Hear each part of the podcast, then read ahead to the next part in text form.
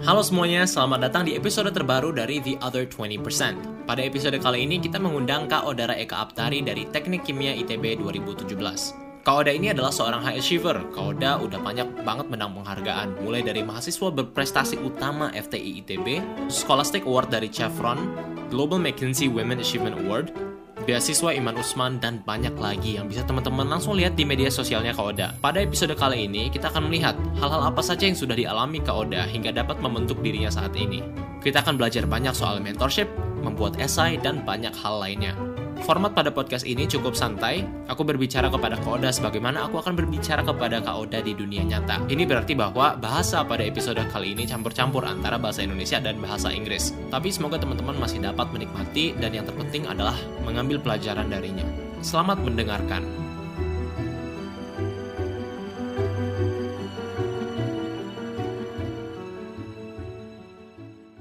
I think the excitement has kind of like worn off. Yeah, I'm kind of excited because I'm on my last year and I can't wait to get out of this Uh-huh. ITB Wow. thing. Is it like excitement because you're out of ITB or excitement because you're tr- finally gonna graduate? it's just this. It's just in my major. It's like tahun keempat tuh tersusah banget gitu. Jadi like I'm just trying to you know get it over with, you know. But like I don't like I don't Okay. want to you know leave the campus life in general. But like the whole Uh-huh. chemical engineering, yeah, I'm I'm I'm ready to get out of there. yeah, I see from like the way that you um you, when you kind of like in a factory gitu loh, or pabrik gitu. Mhm. Nah, nah. yeah I see when you kind of like post stories about chemical engineering and when you share like stories when you give shout out to shout outs to your friends yeah I see how you kind of like speak of chemical engineering so I get it it must be really tough right now yeah yeah but i mean uh, i do enjoy like the friends i make all the all the professors and everything but it's just i think uh, the major itself it doesn't suit me you know in terms of personality and um, what i really want to do you know in the near future anyway so oh I see I see i don't i'm not gonna force myself to be a, an actual chemical engineer you know Wow. I think this is really interesting. I want to speak about this later in the podcast Oh, because I'm sure, also sure. kind of like, for me, I also kind of look at mech- mechanical engineering not as not in the sense that I want to be an engine. I don't. I don't know if I want to be an engineer in the future. So, Mm. so I kind of like studying this. I want to know like what can I do later with like an engineering degree. yeah yeah I think from from listening like insights from someone like you about it, I think definitely. it may help me figure things out. So let's see. Okay, now the Sure, sure, podcast though it's in uh, it's in Indonesian, but uh, you know I'm I'm fine with uh, kayak misalnya mix mix gitu ceplas ya. ceplas yeah. I think what- kamu juga punya Hmm? aksen Indonesia-nya nggak sih? Or are you just aksen Indonesia itu kayak gimana? Oh, okay, never mind, never mind. I thought kayak because you Oh. speak too much English, jadi kayak Indonesia Oh. tuh kayak cinta Laura-ish gitu. Padahal kan Do you? enggak lah, enggak lah. Dulu Oh enggak ya. when I first moved back, Yeah? people make fun of my like uh, Indonesian banget gitu kayak nggak especially di ETB gitu kan Mhm. because I used to speak proper in bahasa Indonesia kayak Yeah. I use kami instead of kita and Ah. everyone's like who the heck uses kami anymore gitu-gitu and I'm like well that's the right way to say it gitu kan tapi jadi sekarang tuh aku Mhm, mhm. terinfluence my friends gitu loh jadi Interesting, ya yeah. gitu. I think you hang out a lot with like uh I think do you hang out do you mostly hang out with like Indonesian friends as in like teman-teman yang ngomong bahasa Indonesia gitu or kind of like still in English speaking communities or kind of mixed? Because I'm an international student kan juga di chemical engineering. Uh-huh. So um, I all of my friends, they're mostly like the ones kayak yang pernah tinggal di Saudi atau from Qatar gitu, Yeah. tapi orang Indonesia. So we speak um, a lot of English sih. Tapi um, I- jadi itu kayak itu circle friends di Tekim.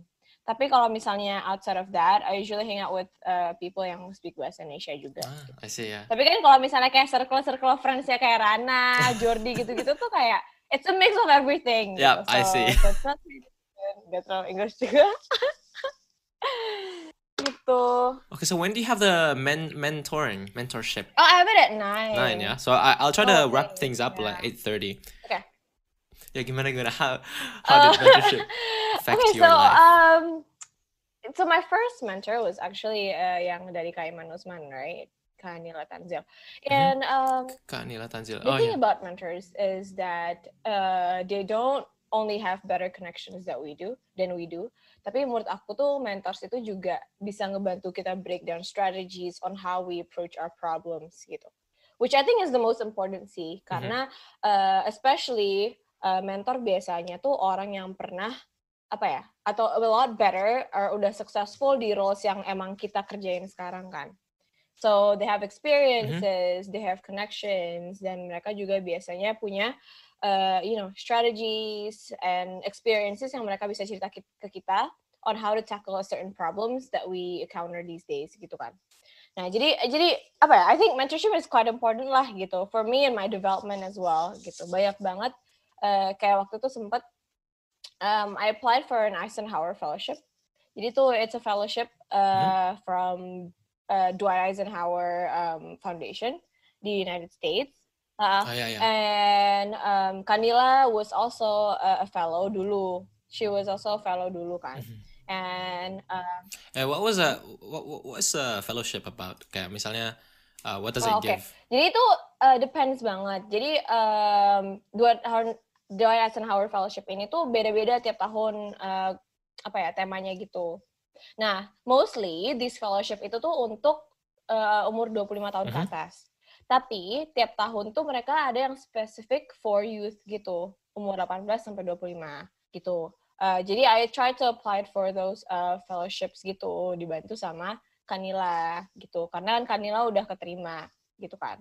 And when you win the fellowship, you get to go on like a fully funded kayak bakal ada ketemu orang, you know, you get a grant juga, money and everything, and especially connection sih, I think is the most important thing, especially global connection, you know, you know, untuk for collaboration and everything, kayak gitu sih. Jadi you you get a sense of community banget lah if you get into the fellowship, kayak gitu. Jadi dan aku melihat Kanila udah pernah ikutan kayak gitu ya, uh, aku ingin coba gitu kan. Dan thankfully gara-gara my mentor sendiri as a fellow at Eisenhower, ya you know, aku bisa dibantuin lah in writing essays, interviews, and CV and everything like that gitu. So I think that's why I think mentorship is important um, in terms of connection, you know. Jadi uh, waktu itu Kak Iman juga pernah uh, pernah nyuruh kita nulis semacam goals gitu. Jadi kalau misalnya mau mentoring sendiri, we're asked to write down our goals gitu, three to four goals that we have for the next year. Nah, terus kita specify how can our mentors help us itu tuh ada lima. Usually they can help us as our cheerleaders. Jadi biasanya yang hmm. advocate for us, yang uh, help sharing stuff on the social media of what we do gitu tuh cheerleaders. And then sounding board. Ini kalau sounding board ini bedanya sama cheerleader itu usually they help brainstorm ideas with us gitu. Misalnya, kak aku bingung banget nih uh, projectnya apa. Oh, they can you know help us with ideas and everything. Terus yang ketiga tuh ada namanya strategic task eh ada wait ada task mas task master ya yeah, jadi task master and then strategist sama connector jadi you can tell by the name connector is like uh, ya kita lebih value koneksi mereka jadi kalau misalnya kita punya goal let's say mereka punya koneksi in uh, around those goals uh, ya kita berharap semoga mereka tuh bisa bantu kita gitu dapetin koneksi-koneksi itu. Nah, kalau misalnya strategis itu lebih kayak help us break down our goals and steps to you know achieve those goals. Sedangkan kalau task master, Tunggu, yang strategis gimana kak? Strategis itu lebih kayak uh, misalnya kita punya goals gitu kan. Let's say my yeah. goal is to get an MBA by the age of 25, gitu kan. Uh, they usually break down our goals gitu kayak di breakdown gitu kayak oke okay, kalau misalnya kamu mau ngambil MBA di 2025 okay, you have to be learning GMAT by this time gitu. You have to be able to pick your schools by this time gitu. Jadi kayak mereka tuh nge-break down our goals and try to you know create strategy on how mm -hmm. to mm-hmm. approach our goals gitu. Kayak apakah aku les GMAT, apa aku lebih fokus ke esainya, how can I you know achieve this goal strategically gitu sih. Uh, jadi kayak mereka ngasih uh, advices around that gitu. Sedangkan kalau task master itu biasanya just a reminder gitu kayak eh dah uh, jangan lupa kamu ngerjain ini gitu jangan lupa ngerjain ini gitu atau biasanya yang ngasih input to my work hmm. itu juga taskmaster gitu. jadi kemarin kak Iman ngasih tahu anak-anak beasiswa Iman Usmania itu sih uh, once you get a mentor coba apa ya Soalnya gini kan, aku dulu nggak tahu apa-apa. Jadi aku personally kayak, oke, okay, a mentor, aku cuman tanya-tanya aja gitu atau apa gitu. Tapi again, mungkin to maximize a, a good mentorship program is, you know, by making those goals and uh, specify mm -hmm. what can your mentor do for you in, in, in terms of. Nah, tapi kalau misalnya kita nih pada awalnya uh, kan ada emang ada ya kayak program-program hmm. beasiswa mentorship gitu. Tapi kalau misalnya kita sendiri kan itu kan terbatas ya peluangnya yep. dan walaupun ada kita bisa aja apply terus gak dapet. Yep. Dan kalau misalnya kita nggak dapat akses ke hmm. opportunity hmm. seperti itu atau kita belum diterima gitu. Gimana sih Kak kalau misalnya kita mau ketemu atau gimana caranya hmm. kita supaya cari mentor yang yang ada di luar daripada akses-akses seperti itu? Kayak misalnya dari senior, dari yang lain-lain gitu. How do we find hmm. a good mentor for us? Alright, alright sebenarnya there's someone that I look up to banget sih. Ini spesifik apa ya? Kayak aku melihat hubungan kamu sama Abi itu kayak semacam mentor juga tau. oh really? Soalnya gini ya, uh, mentor doesn't have to be someone yang udah gede atau yang keren banget kan. It's just someone that you can always ask uh, opinions, advices, mm-hmm. and everything tuh gitu. Jadi it doesn't, menurut aku itu nggak limit ke ya orang-orang. Misalnya kayak I can call like my seniors, my mentors juga gitu kayak I have a friend di UI namanya uh, Rivaldo and I also think he's my mentor even though kayak gak ada official official mentoring gitu loh yeah, you know tapi I, I also think he's my mentor gitu loh uh, finding the right friend for you yang menurut aku uh, tergantung minat kamu kan, of course. Bisa jadi kamu punya mentor di bagian non-profit beda dengan kamu punya mentor di profesional. So you don't have to have kayak satu yang bisa semuanya oh, yeah, ya. Kayak ini kan aku kayak I have Kanila as the ones that helped me to advise in the nonprofit, but then I have Kaalda from McKenzie that helped me with the whole professional development and career and everything like that gitu kan. Yes, Jadi you can have one yang mencakupi semua itu, tapi it's not a must gitu. Jadi kayak you can, you don't have to find kayak misalnya seorang Kaiman Usman yang bisa di semuanya to help you gitu, in my mm-hmm. opinion. Yeah, it's okay if you have a mentor in the bagian. Let's say you have a mentor in creative marketing and you have a mentor one in career development gitu. Jadi emang beda-beda gitu juga nggak apa-apa gitu sih. And how to approach it? I think it's quite simple sih. What I usually do is that I usually DM the the person. Nah, kayak kamu cara kamu nge-DM kayak aku waktu itu oh. gitu loh hit. I think I think that's a good a great way. okay, okay, okay, okay. But I think really I just really wanted to thank you at the time. Oke, okay, jadi kalau yeah. misalnya uh, now yeah. I want to speak, aku mau kasih tahu nih ke yang audiensnya.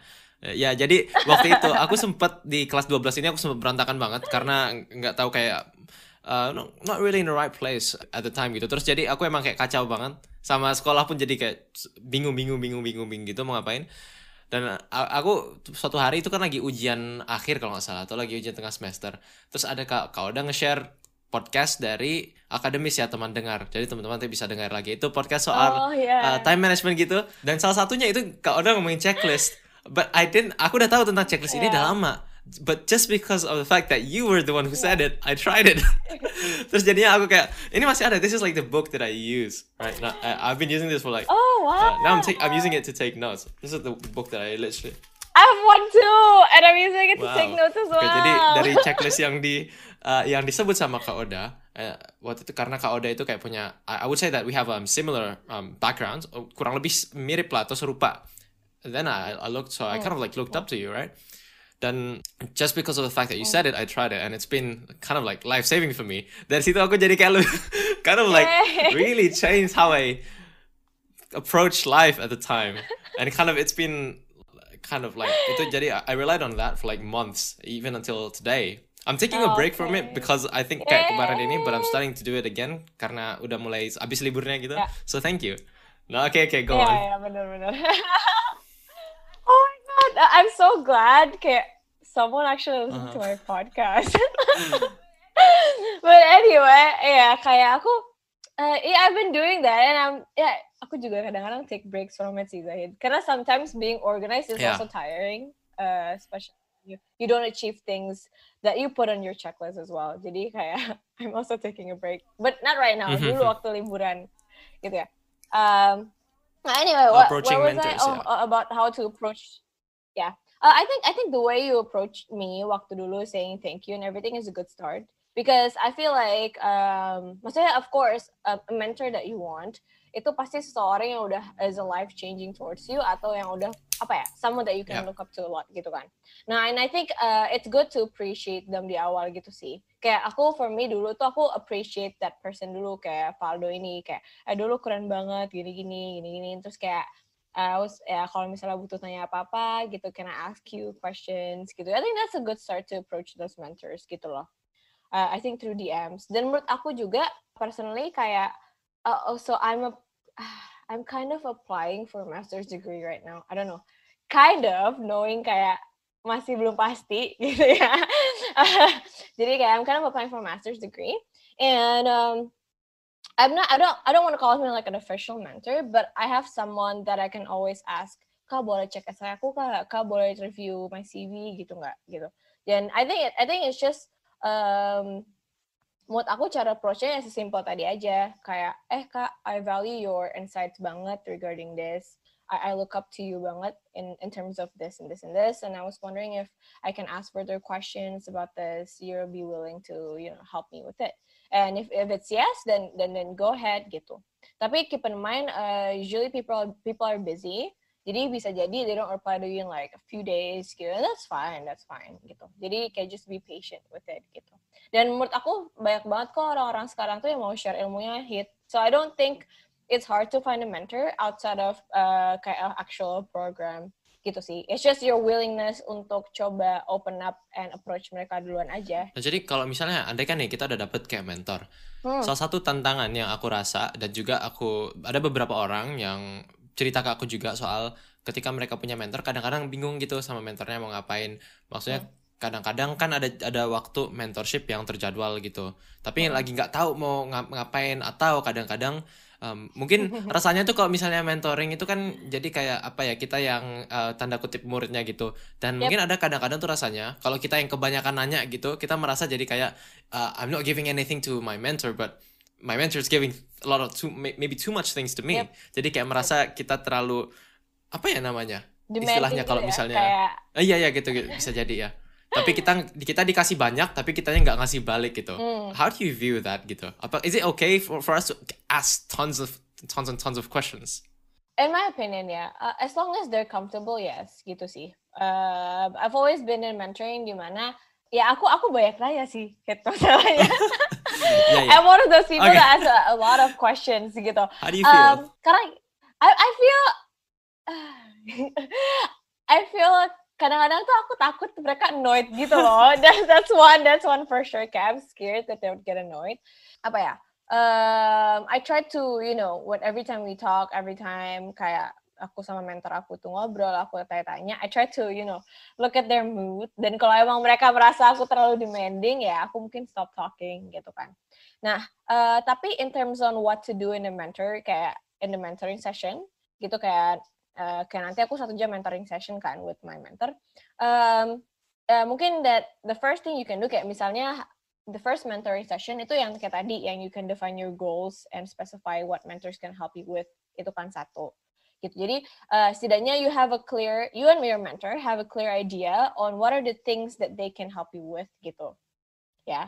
uh, in terms of your goals gitu. Tapi kalau misalnya ada yang tiba-tiba impulsive ideas, or let's say tiba-tiba kamu pengen buat startup or project, and they can help you with that, ya go ahead and tell them gitu. Eh kak, let's say this is outside of my goals that I've told you before.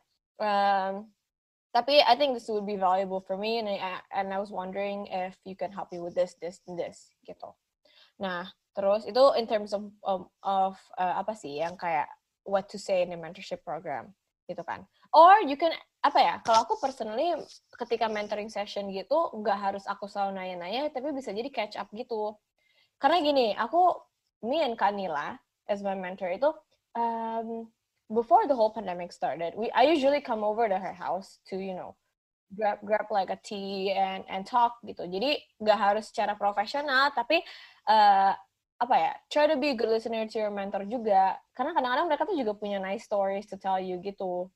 Gitu. Jadi kayak uh, apa ya? Uh, me personally kayak ya Kanila sampai cerita tentang ke aku tentang kayak let's say family-nya atau apa pun yang dijalani sekarang, how pelan taman bacaan pelangi kerjanya sekarang gimana kayak gitu jadi uh, try to be a good listener to your mentor juga sih and mungkin how you can pay back to your mentor itu uh, let's say they have a cause they're fighting for maybe you can be an advocate for that cause as well kayak uh, sharing stuff on social media uh, you know um, sharing posters online and try to you know get your friends to also help the cause and everything. Kayak gitu sih. Jadi hal-hal sesimpel itu tuh would be appreciated banget. Dan menurut aku tuh tuh ngebantu aku banget sih. Kayak I feel like uh, if I was a mentor kayak if someone apa ya kayak aku nge-mentorin seseorang dan I feel like if uh, they apa ya they don't need to give me anything in return but uh, mungkin some stuff about advocating for the cause that I'm advocating as well gitu. Uh, you know it, it shows some support towards my work juga gitu sih mungkin uh, gitu sih. So I I usually do that with Camila gitu. And I think uh, it's nice gini sih um, eh, apa ya kalau ketika when you have a mentor itu kan connection kamu jadi broad banget right Zay? And I think it's important to not just collect all those um, connections tapi you have to nurture them as well. So I think uh, when you have a mentor it's nice to you know kayak Eh, nggak uh, cuman ketika mentoring sessionnya ngechatnya atau nggak cuman ketika prior to those mentoring sessions tapi misalnya they just got a new investment gitu in their startup congratulate them gitu. Hal-hal sesimpel itu sih gitu. Atau kayak let's say um, apa ya kayak you get it. Let's, let's say ini ini important sih menurut aku. Let's say kamu apply sesuatu dan mereka ngebantu kamu Terus resultnya setelah ada result baik itu keterima atau nggak keterima, you you thank them for their help hal-hal simpel itu sih kayak gitu. It doesn't have to be kayak eh kak maaf ya kak aku belum keterima tapi thank you for your uh, your your help gitu gitu. I think some stuff like that is yeah, really important. Gitu Jadi kayak some uh, politeness dan kayak yep. yang aku lihat kalau dari mentorship hubungan mentor mentor sama mentee ini dia kan kayak lebih hubungan vertikal gitu ya. Di mana biasanya ya kayak tadi yang uh, kayak posisi guru murid tadi. Menurut kakak baik nggak kalau misalnya kita nganggap mentor itu atau kita mencoba untuk menjadi tanda kutip teman sama mentor tadi? Jadi kayak yang biasanya tuh kita jadi kayak yang suka nerima jadi kayak posisinya guru sama murid mungkin jadi lebih berteman gitu jadinya. Yep, I, I totally agree with that sih. Um, apa ya, mungkin as a mentee juga, ya aku bilang tadi, I try to be good listener to my mentor gitu sih. Jadi um, not trying to always ask the questions, but also asking kanila, kayak kak, is there anything that I can help with? You know, kaya or um, how's your life? Is everything okay? Yeah, it, you know, small stuff like that. I think uh, it, it it opens up your mentor to you know, kaya oh, uh, she's not only asking me questions to help herself, but she's actually wondering about me. Gitu loh, kaya. Itu sih, I think it's important. kayak gitu jadi nggak nggak harus menerus tentang my goals my this my that gitu tapi you know sometimes ask them kayak how's your how's your life kak how's Taman Bacaan Pelangi doing especially in this pandemic what do you do gitu is it doing well yeah stuff like that sih I think okay thank you now I'm gonna kind of thank you for ini kalau yang soal mentorship ini I'm gonna put it here I'm interested to to know more about it though, but uh, you know time constraints, right? So next next yep. one I want to talk about yang tadi udah salah satu yang tadi udah kakak sebutin itu soal uh, dari yep. mentor ini bisa belajar untuk kayak bikin essay. And I see that kakak ini tipe orang yang memang menulis banyak banget essay. What have you learned through the process? Yep. Like what are the fundamentals of essay writing? Would you say? oh my god, I think it depends. Yeah, uh, you can divide essays. Kalau me personally into academic writing and um, personal essays for applications, right?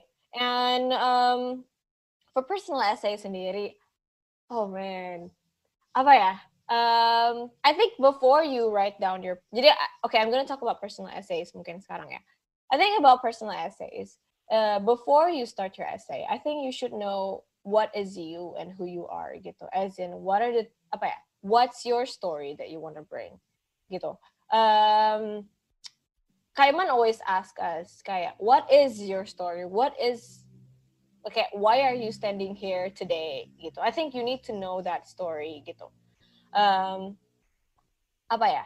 Uh, why is that your biggest achievement? Why is that your story? What's the reason behind it? Gitu. I think you have to reflect back and see the biggest moments in your life and see what you learn from those moments gitu sih. Gitu. Um, uh, and and and mungkin gak cuman what's your story tapi mungkin ketika orang baca your story they can kayak ngesimpulin kamu tuh dalam satu kalimat tuh apa? Oke, okay, Zahid is a yang a creative creator yang gini gini gini gini. Atau kayak Oda is someone who advocates for children literacy because uh, her experience dulu ketika ngunjungin suatu panti asuhan kayak gitu. Jadi kayak mm -hmm, I see, I see. once apa ya, goal kamu adalah ketika they read your story, they have apa ya, they can describe you in one sentence. Gitu sih mungkin ya. Hmm. Jadi itu intinya gitu. Jadi jangan sampai story kamu tentang ini itu ini itu kayak beda-beda gitu loh hit gitu. Yang penting ada satu how do you say it? kalimat utama apa sih maksudnya yang kayak apa ya? Jadi kayak eh, daripada uh, pokoknya, ini hmm. daripada kalau misalnya kita tuh punya jadi mending nggak mending kita tuh jadi kayak satu apa ya ada satu hal yang kita unggulin gitu daripada jadi yep. apa kayak orang yang well rounded gitu. Do you think that's correct? Ya kayak uh, lebih kayak um, karena gini sih uh, trying ini gini sih uh, kalau what I say is usually uh, find your needle in find the needle in your haystack banget sih gitu. Pasti ada satu momen di mana kamu belajar paling banyak gitu kan. Pasti ada satu momen di mana kamu tuh encounter problems dan kamu bangkit gitu. Reflect reflect on those moments sih gitu. Karena menurut aku ya uh, people don't apa ya people can see your achievements through your CV people can see your achievement through your LinkedIn or your social media. But what want, what people want to know is how you achieve those and why you achieve those uh, uh, those goals or those achievements gitu sih. Jadi uh, the why itu dan the how itu yang people tuh pengen tahu dari essay kamu biasanya. Karena let's say kamu cuma bilang iya aku dapat uh, last year aku dapat ini, mm-hmm. ini ini dan last year lagi aku dapat ini ini. Itu kan people can see that through your CV right? Gitu. Jadi uh, mungkin specify on the why the how gitu. Jadi pick the needle in your haystack gitu. Mungkin kalau di story aku ya story kenapa aku kuliah di Indonesia itu itu storynya aku reflect back oh my god itu ternyata impactful mm-hmm. to my life banget. Kayak gitu. Bisa jadi your story is like oh how you started uh, content creator gitu kan. Bisa jadi that's that's your life story gitu. And change you and it creates so many opportunities for you gitu intinya gitu. Jadi kayak before you create your personal essays you have to think back again to those crucial moments in your life and pick one moment yang emang ngebantu kamu banget gitu. And yang kedua mungkin kalau in terms of trying uh, for applications gitu aku uh, usually research the um, whoever or whatever organization that you know ngebuka opportunity ini gitu kayak misalnya Kaiman waktu itu oke okay, aku ngeliat dulu Kaiman tuh orangnya gimana. Oh an educational enthusiast gitu. Atau waktu yang Global McKinsey Award ini aku coba riset oh my god ternyata McKinsey itu punya they have a, a non-profit organization juga loh. Sebenarnya aku bisa kind of relate myself to mm-hmm, them. Mm -hmm, kayak gitu hal-hal kayak gitu. Dan aku coba melihat value apa yang aku sama dengan organisasi ini gitu apa ya I usually not only tell my story but I tell how this mm-hmm. organization or this program can improve me towards the same value. Karena let's say me and apa ya me and Mackenzie have the same value dan aku jadi merasa kayak it'll be easier for me untuk ya um, how do I say it? Kayak relate mm-hmm. atau kayak um, pokoknya kayak gara-gara same value tuh jadi enak ngerjainnya gitu loh hit. Gitu loh uh, gitulah gitu sih so I usually research uh, the organization and the person first gitu nah apa ya itu sih mungkin personal essay nah in terms of writing it itself uh, mungkin wah kalau essay itu banyak banget aku bisa ngomong kayak one time I I I became pembicara for this anyway guys So I have a PPT specialist okay, for okay. essay writing. Ayo, gimana gimana kak? Aku ada uh, kayak PowerPoint presentation specialized untuk essay writing gitu. ah, I see. Then I think we can find a lot of this on your profile. Yeah, yeah. Oh, okay, so I wanna I, I, let's talk about this now okay. then. Uh, dari essay yang kakak bilang tadi yeah. kan kita cari momen yang build up ke cerita yeah. kita gitu. Tapi kadang-kadang juga kita merasa bahwa um, mungkin di mungkin kita yang nggak nemu atau kita merasa bahwa kayak di selama beberapa selama hidup kita ini kayak belum ada cerita hmm. yang benar-benar apa ya se impactful itu atau kayak misalnya uh, menurut kita cerita itu hmm. nggak hmm. apa ya nggak apa ya wow, like story worthy gitu. Ah, uh, alright. Uh, have you experienced those before? Uh, ya yeah, mungkin before aku made that decision itu aku merasa hidup aku biasa-biasa aja ya. um, tapi mungkin ini sih, um, let's say you want to showcase your hardworking self gitu kan atau your organized self mm-hmm. mungkin hal-hal sesimpel apa ya um, hal-hal sesimpel kayak how you wake up, how you always wake up in the morning jam 6 pagi, no matter what. That's all. That also shows that you're a really determined, hardworking person, right? Gitu, your consistency gitu. Jadi Yeah. menurut aku hal-hal sesimpel itu sih. Kayak let's say misalnya, uh, let's say you don't have anything uh, extraordinary atau you think your life is biasa aja dan you feel like you have no stories that are story worth it. Tapi menurut aku apa aja bisa story worth tahu tergantung cara penyampaian kamu aja gitu. Ah, I see. Ah, Oke, oke. Jadi kayak Jadi kayak lebih ke honing our writing skills Yep. gitu, storytelling skills. Bukan kayak kita nggak punya cerita, tapi lebih kayak skill ini yang belum kita bangun atau yang harus kita bangun. iya gitu. Oke, nah satu lagi nih kak, yang aku yang soal ini ya, Uh, I see that you are someone who's very open about being privileged. Kayak misalnya aku Yep. baca essay kakak dan kakak bilang kayak uh, kakak nggak malu katanya Yep. untuk mengakui bahwa kakak privileged. And I think I'm starting to go through that path as well, because you know, uh, considering how I grew up, my family and everything, I think I'm I consider myself privileged. Mm. Yep. Gitu. But how do you actually view privilege itself? Um, oh my gosh, kenapa nih ya ke aku sih?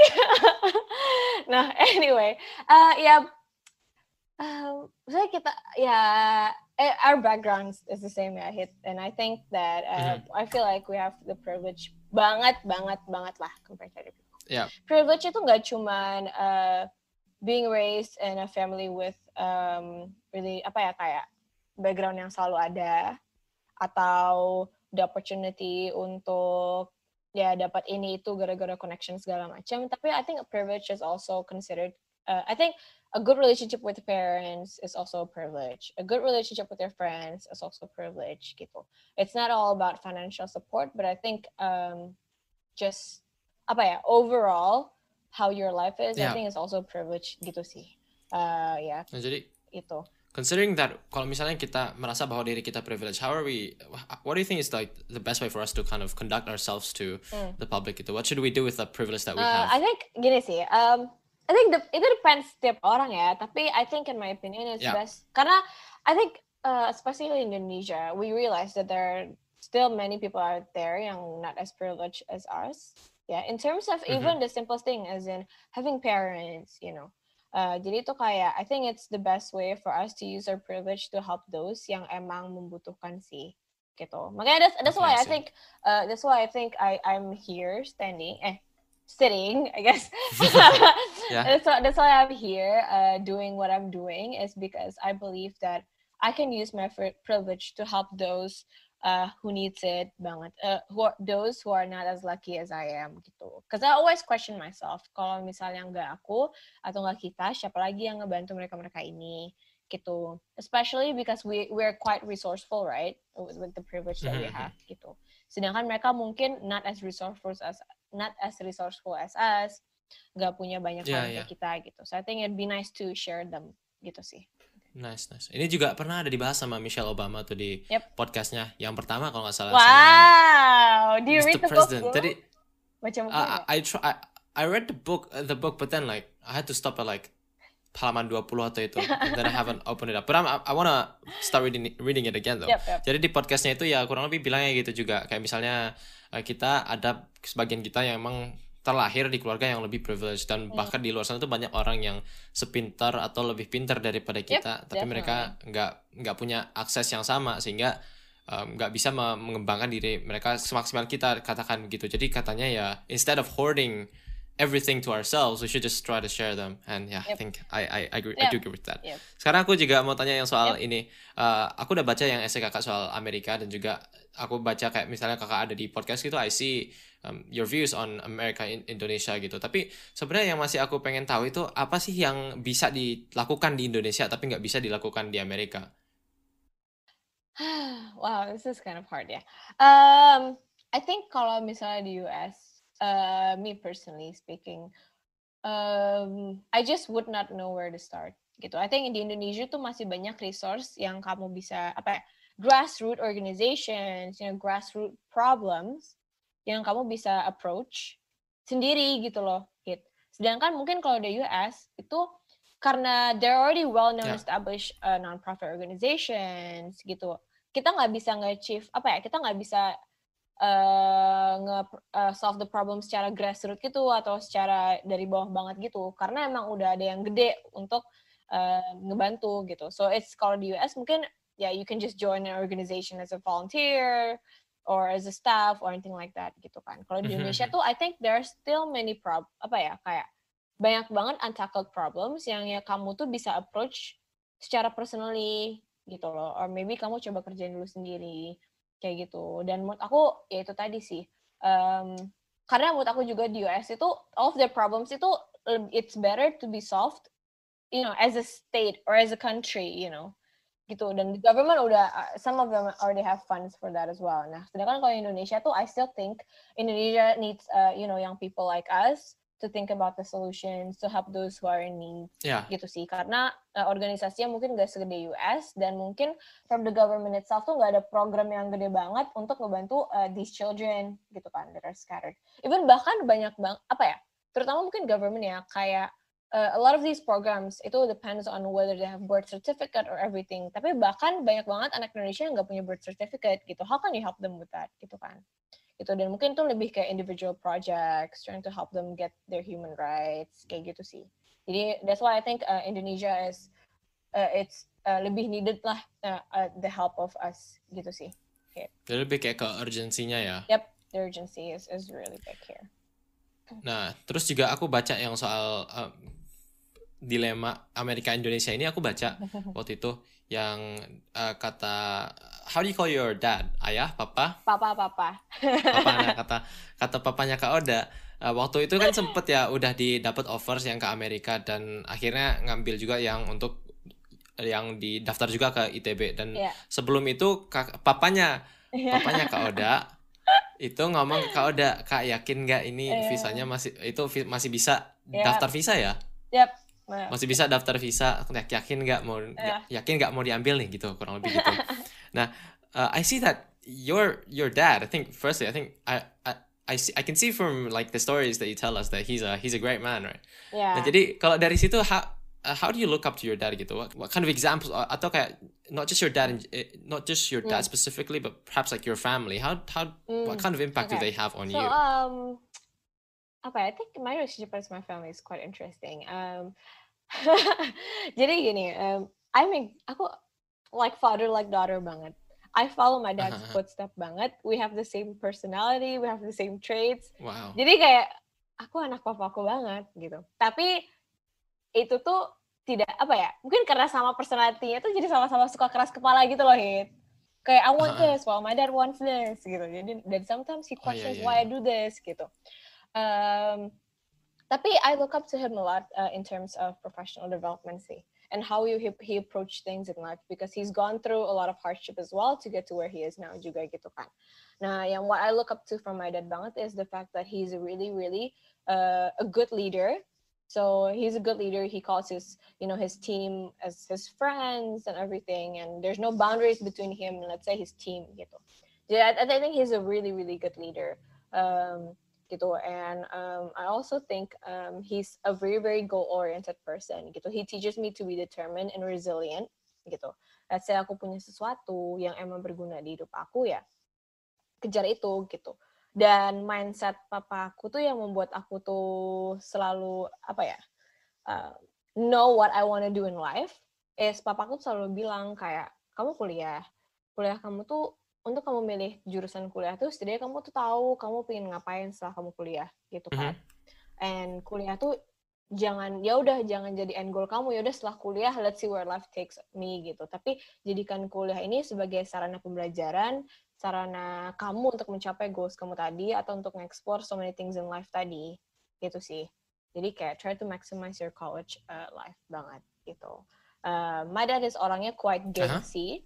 So when he's proud of me, he tells my mom and not my not myself. gitu. Jadi tuh kayak ya.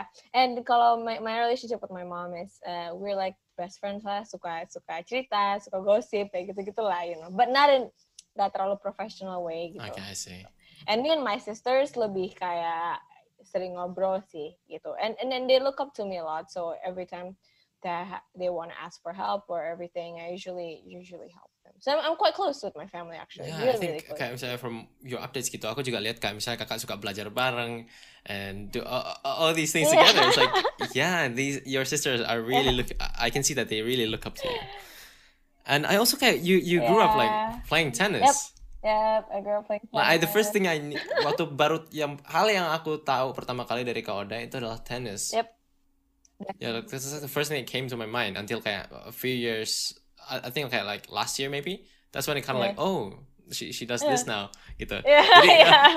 Kayak a bunch of things I, I- I do Okay, now. jadi like, how did you get into tennis? Wow, okay. So, um, fun fact, my mom is a pemain Jatim tenis, btw, Jawa Oh, Timur. Oh ya? Ya. Oh, I see. Jadi mama aku dia Yeah, yeah, yeah. Jawa Timur, and my dad plays for fun, right? So I think I think it Uh-huh. runs in the family sih, kayak um, Oh yeah, yeah, yeah. they got me into tennis because um, apa sih, my parents are both uh, athletes, I guess, and Mhm. they want me to excel. Dulu tuh pilihannya tuh dua, renang sama tenis. Kayak oke, you can Oh, yeah. choose, and dilesin dua-duanya. Tapi akhirnya they see kayak I'm a slow swimmer, jadi aku nggak agak cepat gitu. jadi kayak oh definitely not swimming. jadi kayak ya udah um, ya udah kamu tenis aja dan apa ya I like the sports um, as the pros and cons lah kalau misalnya compared to you know to team sports and stuff like that tapi uh, I like tennis because I don't know I just feel you know like when you know the sport that's right for you you just feel you know you feel like you belong at the oh, courts yeah, and yeah. everything I really I really like the game I really like how the game challenged my mind, you know, whenever I'm down. Misalnya kayak aku lagi main turnamen aku lagi lagi kalah gitu. It challenged my mind to always think positively gitu. And I think tennis is also my first encounters to failures juga. Oh, iya, Karena iya. you know dari kecil aku suka turna, ikut-ikut turnamen gitu dan aku nggak selalu menang gitu. Aku ingat banget pertama kali aku turnamen so aku kalah itu aku nangis kayak wah I don't want to play anymore kayak I want to give up or whatever gitu I think yeah so I think tennis has taught me a lot of things gitu kayak dan aku mungkin sekarang sangat kebal ke kegagalan gitu gara-gara tenis deh. Karena dulu tuh kayak aku you know kalah kalah udah latihan ini nih kalah gitu. Tapi ya yeah, I think it's it's best uh, you you learn from it sih. So I think I think tennis has impacted a lot in my life gitu sih. I see. in terms of life lessons. So yeah, I, I also aku juga termasuk orang yang kayak emang suka olahraga gitu. Dan Yep. itu it's really impactful for me because it it taught me like about failure, about kind of juga kayak Yep. misalnya rivalry dalam olahraga juga itu ada. Yep. Jadi kayak ya kan, jadi kayak kompet, Yeah. jadi kita lebih exposed to competition and how kayak misalnya ya. Yep. Sometimes for me, one of the biggest lessons that I learned from sports gitu. Sometimes it really kind of shows me that it's okay that we have differences gitu. Karena kadang-kadang justru karena Yeah. kayak these differences kayak ada rivalries misalnya kan I'm, a- I'm an Arsenal fan I think you you know you see uh, aku juga I'm a big Arsenal fan Ah, dan yang aku lihat gitu ya uh, from like rival clubs fans uh, fansnya itu kan saling kayak nyerang-nyerang gitu then what I see from from, from here is Yep. that without these rivalries the the community feeling will not be as strong and I think it, it teaches like life lessons like this and thank you for Yep. sharing yours Yep. nah I also kind of like read from aku juga lihat dari yang uh, wa- waktu itu kakak soal yang podcast podcast yang sama oh apa itu pustaka Pustaka Fana yang aku buku bukan ya yang Ah. Iya iya iya. Jadi uh, aku pengen when I when I kind of like kalau misalnya aku ketemu sama orang gitu dan I look up, to, I Okay. to know like what kind of books they read. Karena katanya kan ya yang itu kayak ya books like influence you. I think yeah I do agree with that. Dan aku lihat yang buku yang kakak baca itu uh, yang uh, Ya, from ya. leaving Yep. Microsoft to change the world bukan? Uh, ada lagi sat- satu lagi bukunya. Nah, how how do how do uh, kayak what are the most uh, kalau Yeah. if you want if you mind retelling the story, what are the most impact impactful So, books in okay, your a life? disclaimer, I'm a big dystopian fan. Ya, maksudnya aku suka banget, you know, kayak Hunger Games and everything like that. Such a nerd ya, such a nerd. Ah, my, iya, my iya, favorite iya. movies like Harry Potter, you know, for of all time, gak ada lagi yang lain. Ah, Nah, so yeah, I'm a big dystopian fan. Um, but I also don't limit myself to, you know, uh, read a bunch of self-development books or biographies gitu. And I think right now, tadi yang living uh, living Microsoft to change the world itu dari uh, John Wood. I think itu aku merasa ya somehow I can relate to his story aja sih. Because he was also jadi tuh intinya John Wood is also uh, he was in top management of Microsoft gitu kan. Jadi bener-bener udah top management banget. But Aha. he had a trip to um, he had a trip to he had a trip to like um I forgot the country. Pokoknya he had a trip to the Alpines gitu.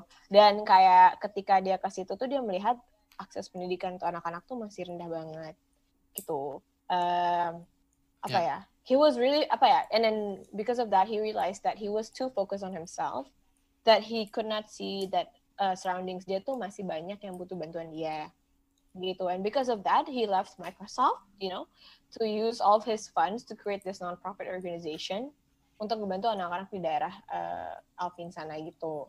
Gitu. So so and the booknya juga nggak cuma ceritain pengalaman dia tapi juga somehow ngasih tips and tricks on how to create your own non-profit organization.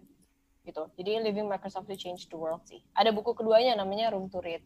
Gitu it's by John Wood juga. Oh, yeah. I, I think I think he's a good role model dan mungkin aku bisa relate ke dia sih makanya aku suka banget buku itu.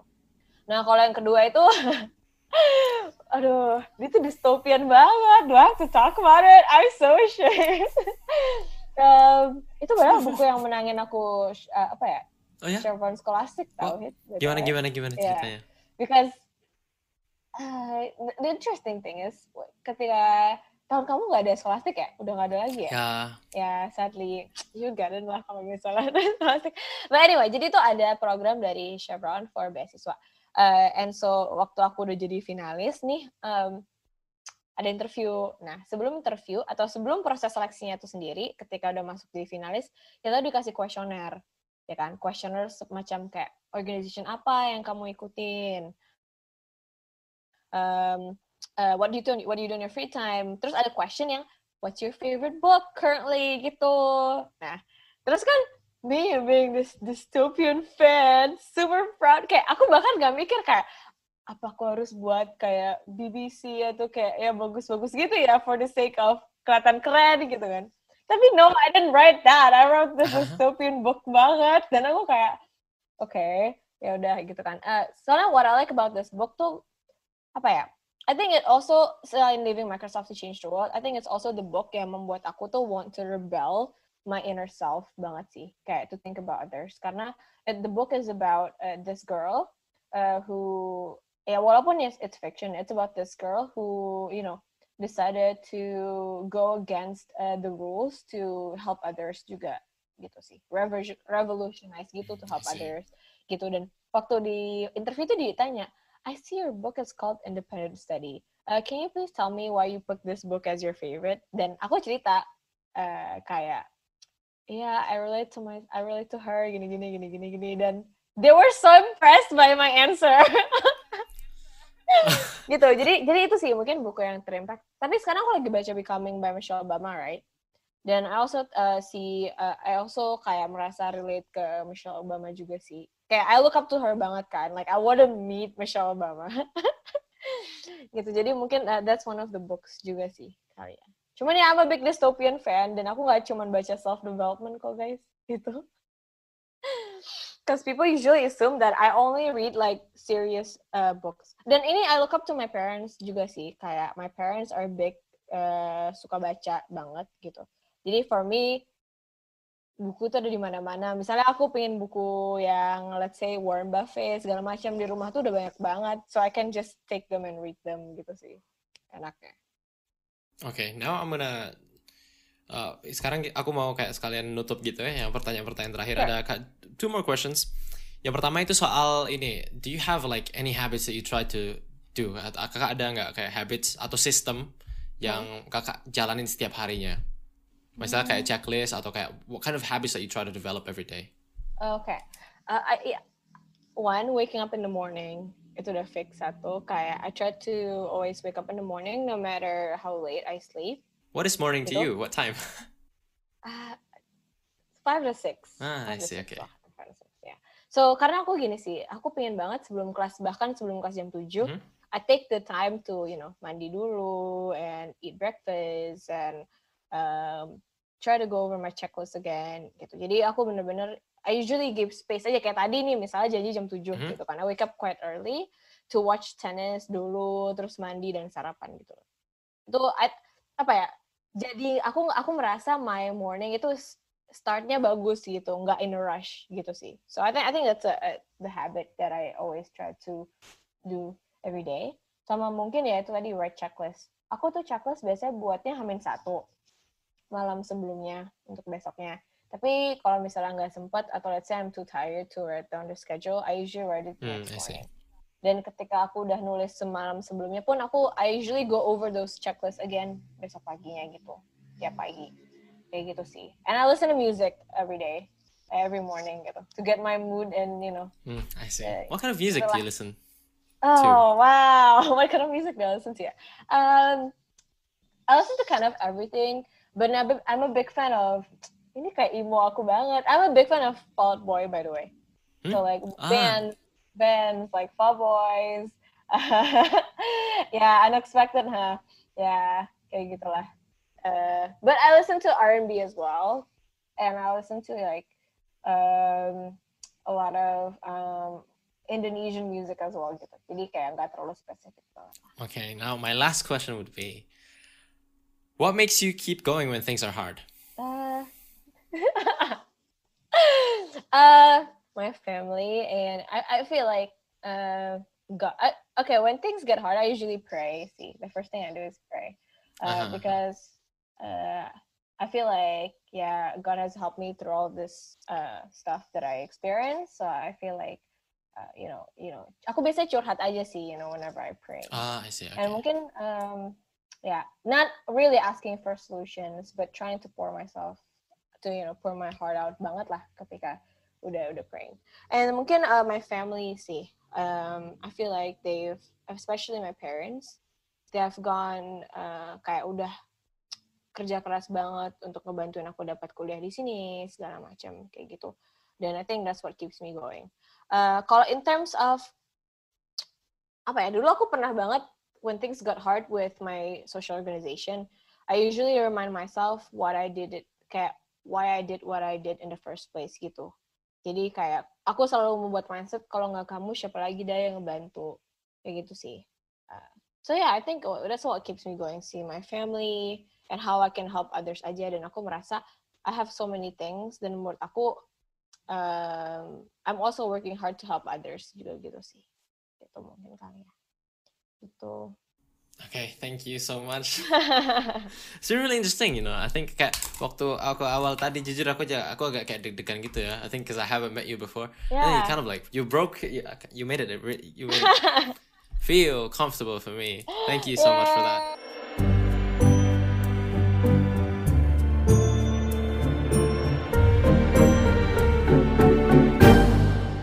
Terima kasih kepada teman-teman yang sudah mendengarkan podcast ini. Kak Oda bisa ditemui pada media sosialnya at Oda underscore Aptari atau di LinkedIn-nya Odara Eka Aptari. Sebagai tanda apresiasi, teman-teman bisa langsung reach out ke Kak Oda, ucapkan terima kasih, atau teman-teman bisa update di Instagram Stories dan tag Instagram Kak Oda. Sekali lagi, terima kasih dan sampai jumpa pada episode berikutnya.